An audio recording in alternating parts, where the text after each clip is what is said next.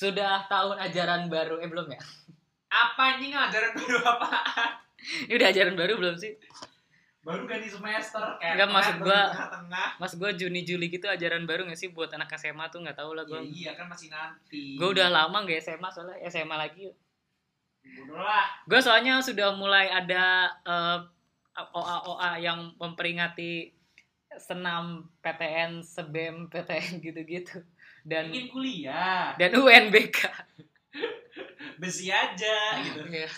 Dan UNBK dan sudah mulai ada eh, cerita-cerita inspiratif Apa? dari Oh kayak sang perjalanan perjalanan menuju ini ITB. memang sangat menyedihkan.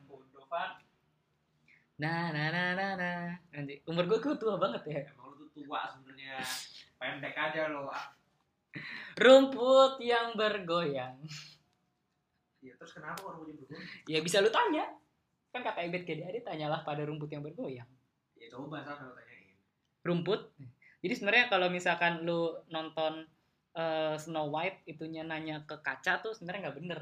Sebenarnya yang harus lu tanya itu bukan kaca ajaib tapi rumput yang bergoyang. Ya kan dia kan kacanya ditanyain terus kacanya mantulin rumput. Jadi bisa jawab. Ya enggak, si ru- lu nanya rumput nih, rumput tadi jawab dengan goyangan. Ya, terserah. gue gak tau nih episode ini, episode ini kayaknya gak, gak, gak sepanjang yang biasa. Ini cuman gue lagi scroll scroll ini terus banyak kisah-kisah yang menurut gue dibilang inspiratif, inspiratif, tapi dibilang enggak enggak inspiratif juga gitu. Ya, terus ngapain diceritain? Kalau nggak ada manfaatnya, ah, Mungkin menurut orang ini inspiratif, tapi menurut gue ini kurang inspiratif karena hmm gimana ya? Nggak inspiratif aja buat gue. Kenapa? kalau buat orang lain bisa jadi inspiratif karena gue kebiasaan banyak baca-baca akun gosip sama hoax jadi kalau baca yang inspiratif inspiratif ini hati gue nggak ngena Oke. jadi gini ceritanya jadi ceritanya lagi jadi ini banyak yang udah mulai cerita-cerita eh, macam bikin buku macam Bob Sadino atau Haril Tanjung ini mereka cerita perjalanan menuju UI ini ada UI nih yang lagi gue baca nih gimana tadinya dia bego waktu SMA Terus karena orang tuanya punya koneksi, dia Yang juga. masuk. itu bukan ya kalau pakai orang dalam itu namanya bukan bukan apa ya? Bukan cerita inspiratif anjir kalau Kalau inspiratif, berarti lo tuh harus punya orang dalam. jelek tuh kayak gak ada inspiratif Atau lo punya inspiratif duit. iya terus dia tadinya bego nih gue rangkum aja deh. Ini dia tadinya bego terus eh, keluarganya eh, susah. Terus pada akhirnya kelas 3 SMA dia bener-bener belajar nggak main lagi sama sekali. Sampai akhirnya dia masuk UI oke terus gue scroll terus ini ada ini ada ini dia masuk ITB nih. Dia cerita kalau secara singkat ini ceritanya itu apa ya? Jadi dia tuh awalnya sama kayak yang tadi sih dia awalnya bandel sempat kuliah di swasta. Terus Emang dia kalau masuk swasta harus bandel apa? ya nggak tahu. Ya, ceritanya dia begitu. Kan gue mah cuman membacakan apa yang dia ceritakan. Terus habis itu dia eh hmm, dia pengen keluar dari jurusannya karena dia nilainya jeblok. Dia masuk swasta juga gara-gara beasiswa tidak mampu bukan karena masuk beneran. Jadi nilainya jeblok di DO dia nggak tahu mau kuliah di mana mau diusir orang tuanya. Terus dia akhirnya belajar sungguh-sungguh masuk ITB ini cukup cukup keren ya ceritanya ya. Ini nggak ada yang mau denger gimana caranya gue masuk kampus ini nih. Gak usah. ini cukup mengharukan loh. Gak. jadi tuh awalnya Ya gini jelas lo masuk sini kan lo gak keterima. enggak anjir gue emang nggak nggak nggak nggak daftar di mana-mana. Daftar di sini doang gue emang gue udah tahu soalnya gue mager jauh-jauh. Ini jauh bego dari rumah lo itu kan ya enggak lah masih Jabodetabek mah. ya. Maksud gue kalau kuliah di Jawa gitu gue agak males jauh soalnya. Jadi gini ceritanya. kenapa gue jadi cerita cerita gue ya? Nggak ada yang mau denger juga cerita cerita gue ya udah tinggal cerita. Cerita gue tuh bagus tau kenapa gue Nggak. ke sini seriusan. Jadi cerita itu karena gue malas sekolah jauh-jauh. Jadi gue sekolah di sini aja. Jadi eh, eh, dulu dulu gue punya pemikiran itu kalau mau jauh-jauh sekalian gitu keluar negeri gitu. Jadi kalau cuma nanggung beda pulau beda provinsi gue kayak malas gitu. Sama aja mendingan di sini gitu. Akreditasinya A juga kan. Enggak B. Terus Gua- naik ya itu karena gue A. itu karena gue masuk jadi A. Enggak, ada hubungannya. Ada hubungannya gue masuk jadi A. Gue daftar jadi B. Nanti gue lulus ijazah gue A tapi kampusnya kayak lagi ke B. Jangan lah jangan jangan. Jangan bantu sama kampus. Jangan jangan. Ini sudah kampus ter the best antero sejagat Jakarta khususnya Jakarta Barat. Nah iya gue pengen nanggepin ini dari sudut planning. Bukan Kenapa udah. corner kick? Hah? kenapa nggak sudut corner kick? Enggak lah kalau sudut corner kick itu kan tandanya harus out dulu. Ya ini tuh nggak out. Oh ya udah. Jadi nggak nggak bisa. Mungkin mungkin free kick bisa tapi nggak tahu. Tapi kan free kick nggak di sudut di tengah. Iya sih. Gue Ya. mau gue maunya jadi dari sudut. Ya jadi sudut planning. Kenapa gue kalau boleh jujur tadi gue udah bilang gue tidak menemukan semua kisah-kisah ini eh, inspiratif. Dalam artian sangat-sangat inspiratif. Semacam lu nulis sepanjang ini udah kayak lu eh, menceritakan hidup lu kayak Bob Sadino sama bukunya Hairul Tanjung. Atau lu kayak bikin bukunya Steve Jobs sama siapa yang punya Facebook? Mark Zuckerberg Nah iya itu yang katanya dia Lizard Man. Gue nggak tahu. lizard? Yang nggak tahu orang-orang bilang kan kon- konspirasi teorinya dia itu sebenarnya lizard atau Hmm. alien. oh gitu Iya, gue tuh suka baca teori aneh tau. Nah iya, jadi kayak gitu itu menurut gue lu nggak perlu lah baca-baca kayak nggak nggak perlu lah, nggak gue nggak perlu nulis-nulis kayak gini. Kenapa nih? Hal yang gue apresiasi dalam hal semua kisah-kisah ini adalah bahwa anda siapa pun itu yang sudah keterima di kampus-kampus tadi itu berhasil melawan diri anda sendiri dan berhasil melawan kemalasan anda sendiri merubah menjadi kerajinan dan akhirnya keterima. Itu sangat gua apresiasi di sini. Jarang orang kayak gitu dalam artian soalnya kak eh, gimana ya? Di sini tuh membuktikan bahwa tidak ada kata terlambat. Lu udah udah lulus sekalipun kalian tetap bisa mencoba lagi mencoba lagi kesempatan akan terus ada. Itu yang gue suka dari cerita ini. Hikmahnya itu yang gue ambil. Satu tidak ada hal yang sia-sia. Kedua tidak ada yang namanya kata terlambat. Dan ketiga adalah musuh terbesar diri lu adalah ya lu sendiri. Ya lu sendiri. Lu Iya. males lu apa ya lu hadapin sendiri. Tapi di samping itu tentang lu masuk sini masuk situ masuk begini masuk begitu gua kurang suka. Karena menurut gua itu eh, apa ya kalau gua tuh tipe orang yang kuliah bukan tentang di mana tapi lu masuk jurusan apa itu yang penting. Karena lu bakal gua nggak bilang gua nggak tahu nasib membawa lu ke mana sih.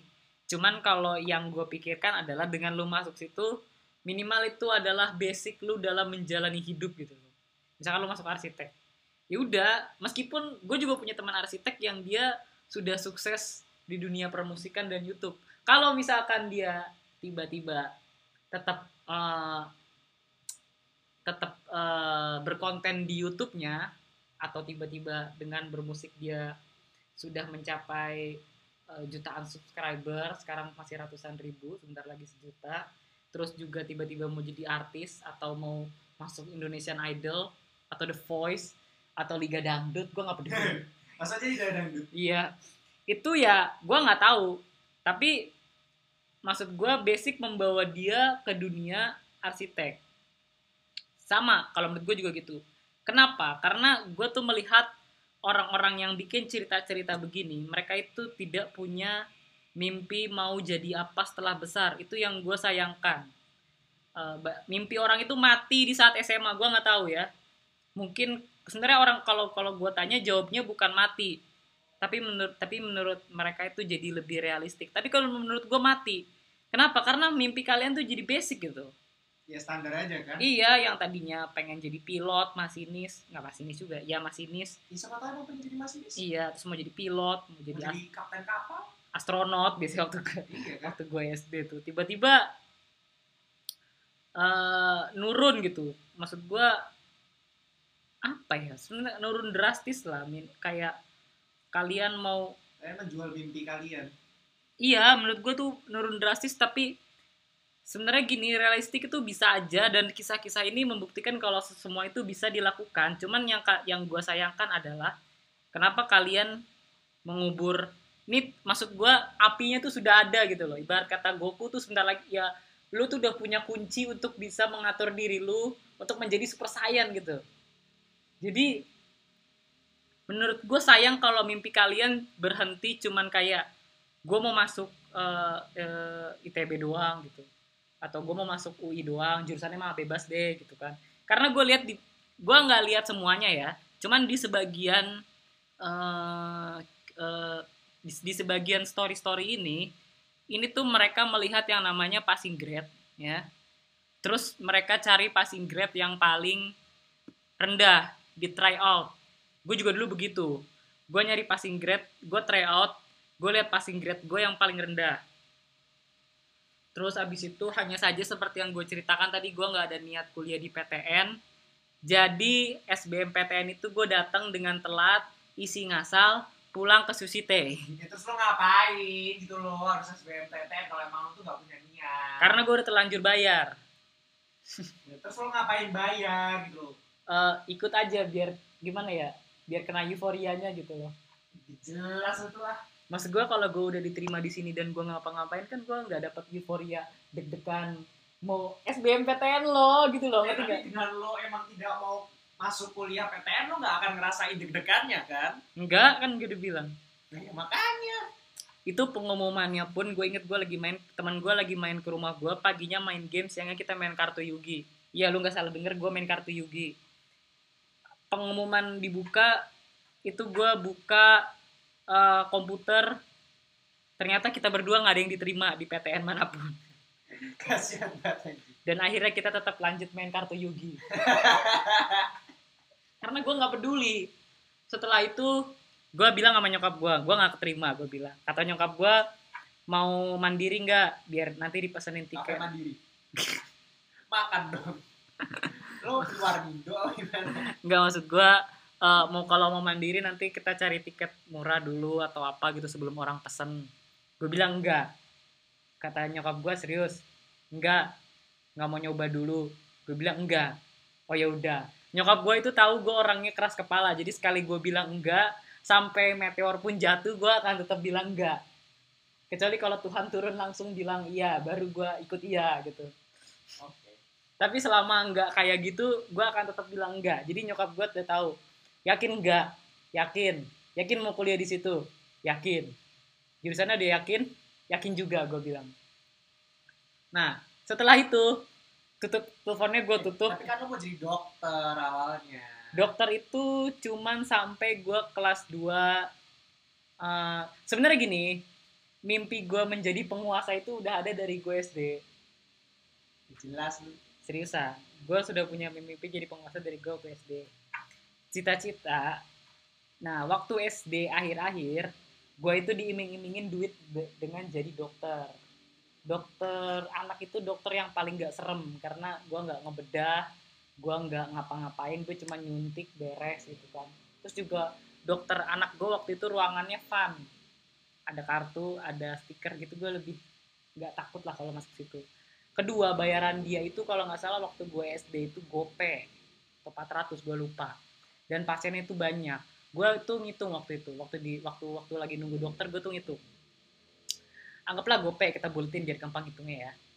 Dia punya 30 pasien. Kalau 10 pasiennya aja itu 5 juta 50 30 pasien itu 15 juta. Anggaplah itu duit bakal masuk ke rumah sakit. Dia dapat komisi misalkan 5 juta Eh, itu kah hitungan hitungan eh, hitungan kotor. Itu sehari ya 30 pasien. iya karena emang dia rame waktu itu. Dia soalnya udah profesor. Udah profesor karena gue pernah ke rumahnya pun rumahnya di kuningan di dekat menteri-menteri. Itu rumah sendiri lagi SHM surat Oke. tanah. Iya dan rumahnya itu gede. Jadi gue langsung mikir gitu anjir ini tiga lima juta satu hari bukan satu hari loh satu rumah sakit. Dia sehari itu tiga rumah sakit berarti tiga sehari dia ngantongin 15 juta clean. Itu masih hitungan kasar. Maksud gue 15 juta sehari gitu. Gue aja kalau misalkan gue makan eh, let's say gue ke McD gitu ya gue cuma habis 40 ribu. Kalaupun gue tiga kali sehari ke McD cuma 120 ribu. Dan gue masih sisa 14 juta 800 80 gitu loh. Masih banyak gue gue langsung mikir kayak gitu ya udah gue dari situ gue pengen jadi dokter. Udah terus habis itu sampai gue yakin kayaknya dokter nggak ke kesampaian karena gue kurang niat dengan kuliahnya yang lama dan beberapa eh, testimoni-testimoni sahab teman-teman dari orang tua gue yang bilang jadi dokter ya bener-bener harusnya jadi dokter. Kalau cuman buat ngincer uang itu nggak akan balik karena kuliahnya mahal lama dan balik modelnya lama gitu kalau mau cepat jadi pilot pilot itu keluar keluar masuknya jebret mahal banget tapi lu lulus juga masuk langsung mahal dan kuliahnya nggak lama dan, dan jadi dokter susah waktu itu gue langsung ya udah gue Dari Lo bisa jadi pilot tuh pendek masalahnya. Iya makanya itu. Gua kubur mimpi gua untuk menjadi dokter dan gua kembalikan mimpi gue yang lama untuk menjadi penguasa. Bahasa gue keren banget ya jadi penguasa. Ya, Udah singkat cerita gue pengen jadi presiden gitu lah. enggak, jangan ada yang pilih Raden Trivandi ya saudara-saudara. Pilihlah. Terima kasih. Itulah kenapa saya mengambil jurusan ini. Tidak. Agar saya bisa memanage negara ini. Tidak. Ya udah lanjut. Terus setelah itu barulah gua mencari jurusannya dulu pertama. Apa sih jurusan yang mendekati dengan gua ngurusin negara? Gue bilang. Ya Udah, dapat. Iya, ketemulah ini. Gue cari kampusnya. Di Jabodetabek ada PTN enggak? Ada. Ada jurusannya enggak? Enggak. Ya udah nggak gue pilih. Akhirnya ketemulah di kampus swasta ini. Yang kebetulan bagus juga nggak Ah, apa-apa. tetangga juga ada tapi. Eh, wak- Sama-sama juga kan dulu. nasib membawa saya ke sini, Pak. Iya. Ya, habis itu ya udah. Setelah itu gue putuskan untuk masuk sini. Gue sama sekali nggak tes apa pun. Gue cuman tes sekali waktu itu bulan puasa, bulan Juli gue tes. Terus udah gue pulang, gue buka, Terima. santuy. Kan keterimanya dua hari ya tiga hari? Ah, iya dua hari tiga hari gue lagi lagi buka puasa gue buka aku terima. Oh, ya udah nah dari situ gue nggak ada niat buat SBM SNM waktu itu gue keterima SNM ceritanya. Enggak? SNM tuh mas gue keterima untuk daftar. Ngerti nggak? Iya. Ya, ya, tahu, tahu. guru BK gue udah rempong aja mau daftar ke mana udah nyaranin ini itu udah masuk sini aja nih ini yang masuk sedikit. Ada kalau nggak salah waktu gue zaman zaman SNMPTN itu tuh ini ada kayak data tentang tahun kemarin itu pemilihnya berapa yang masuk berapa. Statistik tuh. Ya. jadi gue disuruh milih yang pemilihnya paling dikit. Ini ya, kampus dalam angka kayak BPS. tapi dia nerimanya banyak. Dari situ gue mulai nggak suka dari situ gue mulai nggak suka dalam artian kok begini? Maksud gue lu tuh mau masuk kuliah emang emang apa sih yang lu bawa? Misalkan lu masuk UI gitu. Apa sih yang lu bawa dari lu masuk UI dalam artian kan yang dibawa itu adalah lu ahli apa gitu. Ya nggak sih? Lu lu mau dicap sebagai ahli apa setelah lulus? Lu masuk lu masuk sastra ya lu lulus ahli sastra lu masuk budaya lu masuk sejarah ya lu lulus ahli sejarah. Lu masuk teknik ya lu lulus lu bakal dis- disebut ahli teknik gitu kan. Masalah lulusan mana itu menurut gue jadi nomor dua. Ini menurut gue loh. Karena lulusan pun gak bisa di compare ngerti nggak? Iya, ya. Knowledge-nya beda masalahnya. lu nih lulusan lulusan sastra ITB eh sastra ITB ITB nggak ada sastra anjing. Lulusan sastra UGM ada nggak UGM ada sastra? Ada. Dan teknik eh, fisik teknik apa ya? Teknik industri ITB itu nggak bisa di compare menurut gua. Ya, knowledge-nya beda. jadi percuma lu mau apa ya? Tapi itu kalau dari dari situ gue mulai nggak suka di mana orang itu lebih ngincer kampusnya bukan jurusannya. Iya, iya. lu tuh apa yang mau dicap gitu loh maksud gue gitu. Dari situ Kan mungkin bergengsi kali lulusan dari kampus ini. kan gue bilang kalau majornya sama mungkin bisa. Tapi kalau dunia ini kan major banyak lu mau jadi ahli apa? Lu mau jadi ahli ITB lu mengetahui letak-letak persimpangan ITB makanan-makanan enak di ITB gitu. Ya maybe kan. Apa gitu mas gue yang dicari dengan lu mau? Maksud gue gini loh kuliah itu eh, kalau mungkin tadi beberapa ada orang yang eh, bilang bahwa eh, kesempatan akan selalu ada dan tidak ada kata terlambat. Tapi gue orang tipe orang yang nggak mau cari eh, gimana ya? Menurut gue gini main game kalah lu bisa restart gitu. Tapi Ya, hidup nggak bisa. hidup nggak bisa lu restart. Walaupun lu bisa masuk kembali mengulang hidup lu dari apa tadi tuh cerita? Dari PTS ke ITB tapi lu tidak bisa mengulang Waktu um- yang umur lu kehilangan setahun dan gua nggak mau buang waktu. Itu YOLO gitu kan? Iya itu aja iya itu aja. Gua nggak mau buang waktu. Jadi gua harus memikirkan matang-matang gua mau kuliah di mana. Dan nah, nah ini lagi permasalahan kedua. Nggak cuman nggak nggak cuman di game sih. Kerja itu bisa pakai pakai prinsip itu asal masuk aja. Let's say PNS lu PNS mau masuk aja gitu kan. Yang penting PNS dulu. Tapi kan PNS itu di tengah-tengah lu bisa pindah. Ya kan? lu bisa mutasi. Iya bisa mutasi. Di swasta lu bisa pindah divisi. Kuliah, gue masuk ITB, tapi gue mau jurusan teknik industri, tapi gue nggak dapet. Jadi gue masuk eh arsitek dulu. Gue masuk arsitek. ya itu lebih pinter dong goblok Di tengah-tengah dia pindah jurusan. passing grade-nya pasti lolos dong kalau masuk arsitek Maksud nggak gua- loh. Maksud gue gini, maksud gue tiba-tiba karena dia nggak masuk industri, jadi dia masuk arsitek. Terus dia pindah di tengah kan nggak bisa. Nggak ada kampus bisa di tengah tengah dipindah di pindah di tengah-tengah kayak kantor gitu. ya enggak dong ini misalnya gini ya dia milih pas dia milih ju- jurusannya waktu SBM misalkan ujiannya arsi sama industri Arsinya nggak keterima. terus tiba-tiba arsinya keterima Enggak, Nggak ars- mungkin industri nggak keterima Arsinya nggak keterima. Nah, Keterimanya industri contoh. terus dia mau masuk arsi Iya, Terus tapi dia kan mau pindah ya juga. tapi karena yang penting dia ITB kan, yang Ya penting kan tapi kan ada mata kuliah yang nggak usah ngulang kayak yang tapi kan tetap aja secara general, secara general kan lu tuh ngulang gitu. Iya. Tapi kalau misalkan jadi PNS kan eselon lu tetap sama. Paling lu ya, ya bisa sih eselon bisa, tapi kan rata-rata es, biasanya kalau cuma mutasi-mutasi gitu mah eselon masih sama lah. Kayak misalkan dan kalau misalkan pindah pun gak jauh-jauh gitu. Misalkan Ya, dari kalau mau pindah jauh juga bisa dari- Enggak maksud gue secara pangkat gitu. Dal- Dalam artian lu misalkan dari kepala dinas eh, dinas A pindah ke dinas B kan nggak mungkin turun banget jadi staff bontot gitu loh. Minimal lu jadi apa? sekretaris Iya kabit, Iya, eh, kepala seksi minimalnya itulah. Mas gua lu nggak akan turun banget. Tapi kan kalau kuliah lu balik lagi semester 1 gitu loh. Nah itu juga jadi menurut gue apa ya? Gue orang yang tadi gue balik lagi gue tuh tipe orang yang gue lebih mementingkan jurusan dibanding kuliah. Kuliah kemakan gengsi menurut gue sih gini. Kalau misalkan tempat kuliah yang gue nilai adalah lingkungannya. Lingkungannya itu satu mendukung atau enggak untuk lu kuliah itu doang. Itu doang. Selebihnya kalau misalkan misalkan satu kampus isinya orang eh, barbar semua gitu. Kayak misalkan lu eh, gimana ya? Ini gue ngomong ngomong ngomong kasar pahit ya. Ibarat kata lu mau sekolah nih lu milih mana? Mau ke S apa sih kalau yang kuliah eh, sekolah teknik tuh? Stan gitu bukan sekolah yang lawannya SMA SMK Eh, sebelum SMK namanya apa? STM STM Ya, misalkan lu kayak STMA dan SMA A gitu ya. Kalau waktu zaman gua sekolah dulu, kebanyakan STM itu tidak mendukung lu untuk belajar.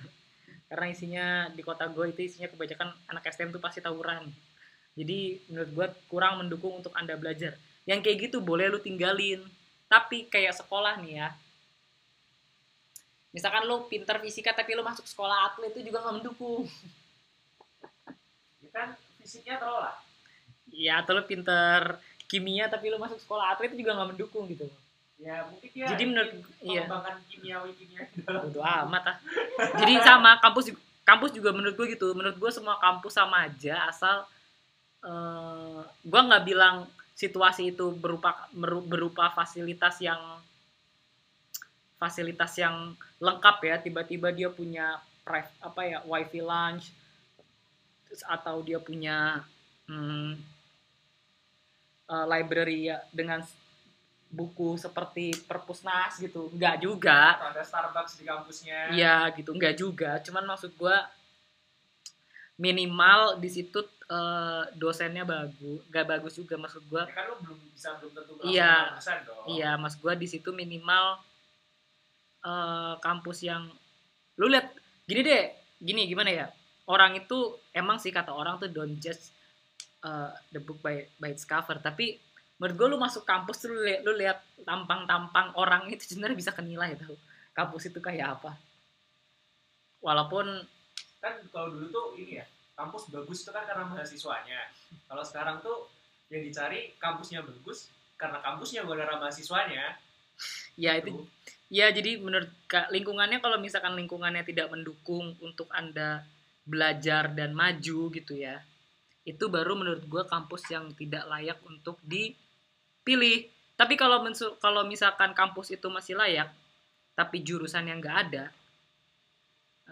gue sih jurusan yang lu pengen ya. Tapi kadang orang zaman sekarang tuh nggak peduli jurusan sih. Itu yang gue sesali dari dari sistem ini tuh itu yang gue sesali. Gua peduli. Iya kan beberapa. Beberapa orang tuh nggak peduli dengan jurusan. Itulah yang gue sesalin dari sistem eh, kesempatan-kesempatan statistik-statistik yang masuk berapa, keterima berapa kayak gitu-gitu itu yang itu yang gue sesalin. Kenapa? Jadi kalau gue pribadi mendingan pertama lu pikir dulu deh. Ini sebenarnya message buat anak SMA kali ya. Pikir dulu mau masuk jurusan apa, lu mau jadi hidup sebagai apa. Mimpi tinggi boleh. Lu mau jadi apa? Misalkan lu mau ah, lu mau jadi eh direct dirut dirut apa sih namanya? Dirut Pertamina gitu misalkan ya. Atau apalah atau lu mau jadi ahli eh, pejabat di Pertamina yang ngerti gitu gituan ya udah lu tuh eh, dari dari awal mungkin sudah ngeker-ngeker ke yang eh, teknik misalkan teknik perminyakan teknik pertambangan gitu-gitu deh. Atau lo misalkan pengen jadi eh, apa misalkan. Kadang-kadang emang ada beberapa jurusan yang gue tuh sebelah gini loh.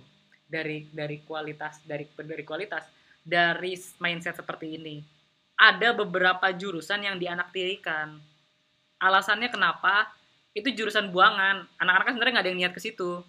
Cuman Ya, Karena- keterimanya di situ. ya. Iya, karena dia pengen ngampus di situ dan itu adalah jurusan yang sepi gitu. Jadi ya udah ya gua keterimanya di situ ya udah gua terima aja gua eh, ngejurusan di situ gitu. Jadi itu menurut gua lingkungannya pun udah nggak ada yang ngedukung karena nggak ada yang punya cita-cita apa-apa dari eh, jurusan itu. Misalkan kayak kalau misal lu masuk jurusan hukum, punya banyak pasti banyak yang punya cita-cita mau jadi hakim, mau jadi notaris, mau jadi pengacara, mau jadi ahli hukum, mau jadi Hotman Paris bisa hot ya atau lu terinspirasi oleh Hotman Paris. Itu menurut gua lebih baik seperti itu gitu loh. Meskipun eh, karena waktu itu gini karena waktu itu gini dosen gue pernah ngomong gini kampus kita itu nggak bagus-bagus amat. Kalian tahu itu. Ya kan? Ya realistis dong. Iya, Dosen benar. kita kan realistis. iya kampus kita tuh nggak bagus-bagus amat. Nggak yang walaupun akreditasi A tapi nggak grade A banget gitu loh mas gue kalau dibandingin sama PTN PTN ternama itu pasti kalah. Tapi apa? Kalian udah telanjur di sini jangan buang waktu jangan buang uang untuk keluar. Lulus di sini carilah S2 di luar negeri. Iya, itu makanya. yang benar jangan dari sini lu udah mati-matian. Pertanyaan gue gini loh itu juga mematikan di mana eh, emang lu lulus bakal cuman S1 doang gitu. Lu lu buang-buang waktu lu eh, gitu-gitulah. Karena nih ya gue ada cerita nih. Ini cerita gue nggak tahu nih disebut. Gue temen dari eh, nyokap gue dia itu punya kisah yang menarik. Eh, dari dia itu orang Sumatera gue lupa di mana. Dia tuh orang Aceh apa orang orang Sumatera Utara lah pokoknya. Orang Aceh apa di bawahnya dikit gue nggak tahu. Pokoknya dia itu orang susah.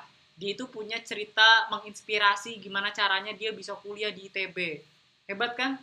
Zaman dulu loh tahun 80 90 lu Ya, orang jagoan Pak Idit dong. iya lu orang susah dari Sumatera Utara atau Aceh bisa kuliah di ITB sesusah itu.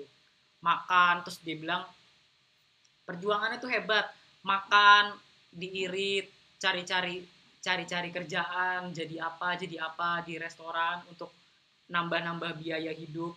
Nggak kayak sekarang orang tinggal transfer. Itu kisah yang sangat sangat apa namanya sangat menginspirasi gitu kan maksud gue tiba-tiba S2 dia keterima di Inggris ya kan S2 dia keterima di Inggris terus kisah inspirasi ITB itu nggak ada artinya tau nggak kenapa Kenapa? ijazahnya hilang Oke mantap. ijazah ITB-nya hilang Tapi kan dia udah punya ijazah S2. nah itu Ya dia Udah kan? Nah, sementara S2 karena dia beasiswa, waktu itu beasiswa dari kantor. Jadi dia tuh dapat uang saku. Jadi hidupnya dia di Inggris tuh nggak susah. Dia ya udah makan-makan aja. Cuman emang namanya uang saku ya ngepas, lu nggak bisa nggak bisa hura-hura. Tapi minimal lu nggak nggak nggak usah kerja buat cari makan gitu. Kerja tuh buat nambah pengalaman aja buat dia di sana. Kerja buat nambah pengalaman.